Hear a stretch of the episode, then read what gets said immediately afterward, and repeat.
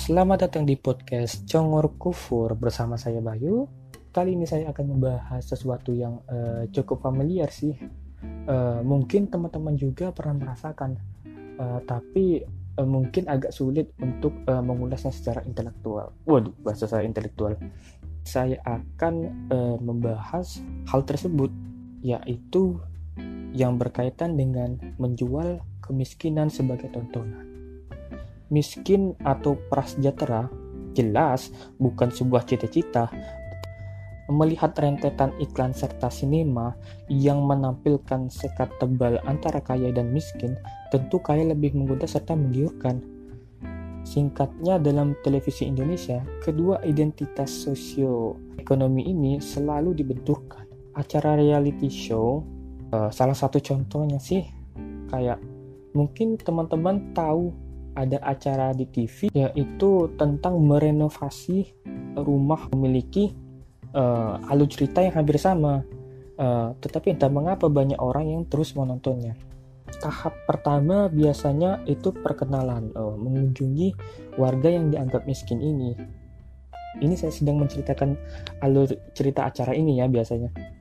Itu kayak gimana.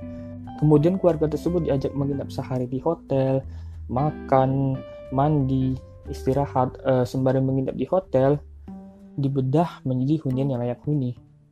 Diberikan bantuan uh, berupa pembuatan warung kecil, uh, biasanya kayak gitu ya. Uh, setelah dia setelah menjelang malam biasanya itu barulah di, diajak pulang kembali. Puncaknya atau anti klimaksnya itu kembali ke rumah dan melihat rumah telah dalam keadaan berbeda serta mendapat bantuan. Waduh, pasti kalian sudah familiar dong. Biasanya itu dihitung mundur dulu sebelum dibuka. Wah. kayak 3, 2, 1 barulah mereka melihat rumah yang uh, tampak berbeda dari rumah yang mereka huni sebelumnya. Pernah nggak kebayang kalau tiba-tiba uh, tim acara bedah membedah ini uh, ngeprank si yang punya rumah? Pas dibuka 3, 2, 1 pas dibuka isinya kerang. Waduh yang punya rumah bingung. Kok kerang? Eh, kebetulan aca eh, tema acara bedah membedah hari ini adalah rumah kiong. Waduh. Nggak ya nggak ya itu cuman eh, bercanda doang. Keadaan berikutnya biasanya itu tentu dapat ditebak. Kayak parade psikologis mulai menghiasi acara ini. Dan menurut saya itu merupakan jualan utama mereka. Tujuannya yaitu menangis haru ucapan terima kasih sambil uh, terseduh-seduh, sujud syukur, bahkan uh, tak jarang uh, si yang punya rumah ini pingsan. Begitu juga sang pembawa acara yang seakan-akan merupakan superhero atau pahlawan dipeluk, dicium, dan diucapkan terima kasih dengan berlinang air mata seorang yang hidup uh, biasanya itu hidup di desa di, uh, di tempat tinggal yang sederhana dengan sehari-hari makan dengan lauk yang seadanya. Kemudian diajak hidup di hotel. Kita disajikan pemandangan kebingungan orang desa. Pertama kali uh, ke kota dan masuk ke hotel orang yang dianggap tidak mampu ini ketika masuk hotel dan kebingungan itulah menjadi paradoks yang dianggap lucu dan menghibur bagi si yang punya acara. Dianggap lucu karena tingkah bingungnya, menghibur karena menghadirkan suatu pemandangan kontras. Orang tua berpakaian lusuh masuk hotel, hotel mewah pula. Kebingungan itu uh, terus berlanjut ketika mereka di, dihadapkan dengan fasilitas kamar hotel, penggunaan alat pemanas air, kasur empuk, televisi besar dan lain sebagainya. Penegasan tentang menjadi orang yang tidak mampu biasanya itu kembali diperlihatkan dengan pelayanan yang uh, kelas atas dan terakhir diajak berbelanja di mall biasanya.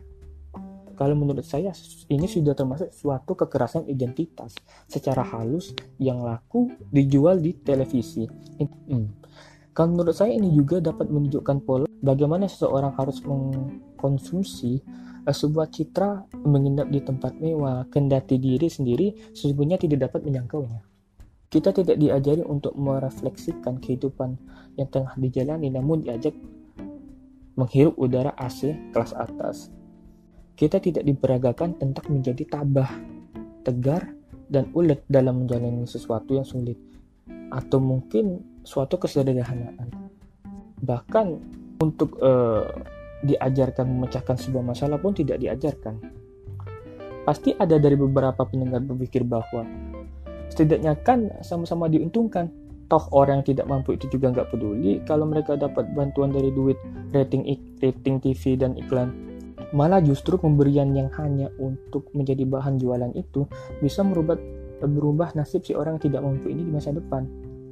Hmm, iya sih dari segi ekonomi, memang sih sama-sama diuntungkan. Tapi dari segi pola pikir, baik si orang yang tidak mampu maupun orang-orang yang menyaksikan atau menonton acara seperti ini, secara tidak langsung sudah dirusak pola pikirnya dan diarahkan ke gaya hidup hedon.